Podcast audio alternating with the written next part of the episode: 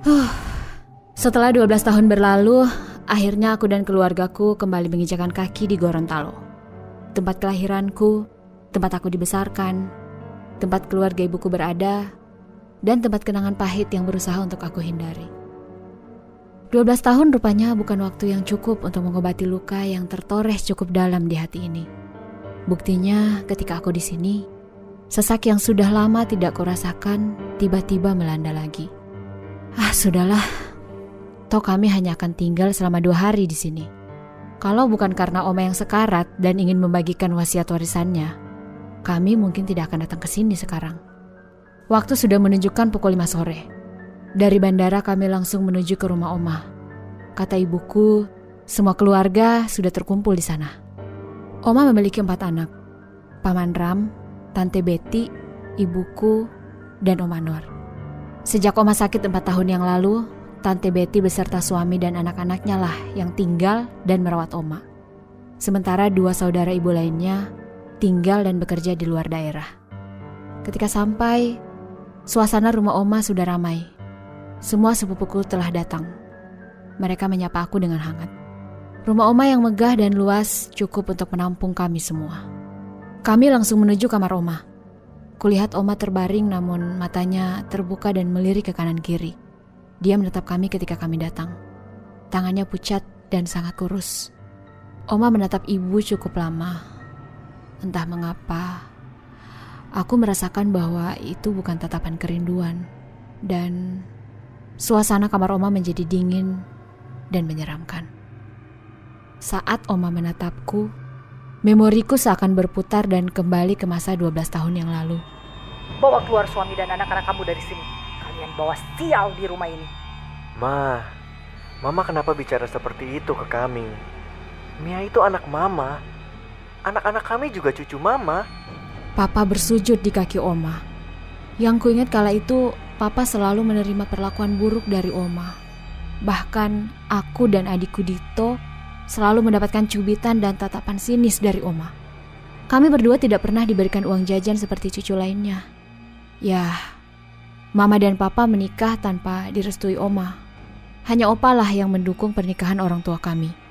Bahkan setelah aku dan Dito lahir, hati Oma tak kunjung luluh. Namun akhirnya Opa berhasil membujuk Oma untuk menerima kehadiran Papa dan mengajak kami tinggal di rumahnya. Saat aku berumur 12 tahun, Opa sakit dan meninggal.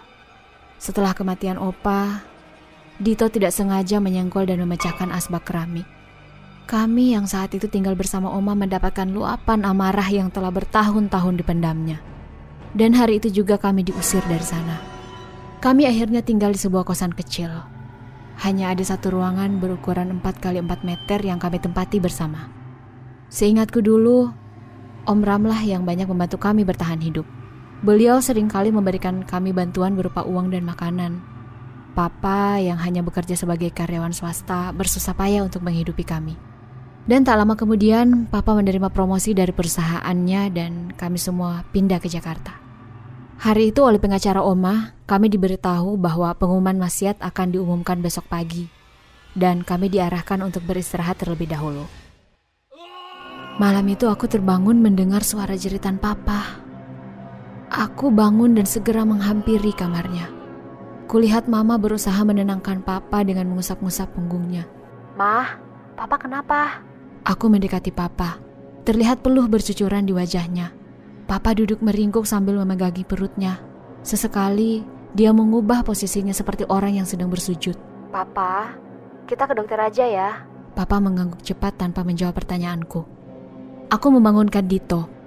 Kuperintahkan dia untuk segera membangunkan Om Ram. Dengan bersusah payah, aku dan Mama memapah Papa yang beratnya tidak sebanding dengan kekuatan aku dan Mama tentunya. Sepuluh menit kemudian, kami telah melaju di jalanan menuju ke rumah sakit. Papa masih terus bergumul dengan teriakan kesakitannya. Sudah aku coba beberapa kali meminumkan air, tapi dimuntahkannya lagi. Wajah Papa perlahan berubah menjadi kuning. Sampai di rumah sakit, dokter bertindak cepat memeriksa kondisi papa. Dan setelah beberapa saat, dokter mengatakan bahwa papa mungkin hanya kecapean dan asam lambungnya naik. Papa dianjurkan untuk diopname dulu. Papa akhirnya ditempatkan di sebuah kamar kelas 1. Mama dan Paman Ram balik ke rumah Oma untuk mengambil barang dan pakaian. Waktu sudah menunjukkan pukul 2 dini hari. Aku tertidur dalam posisi duduk di samping papa.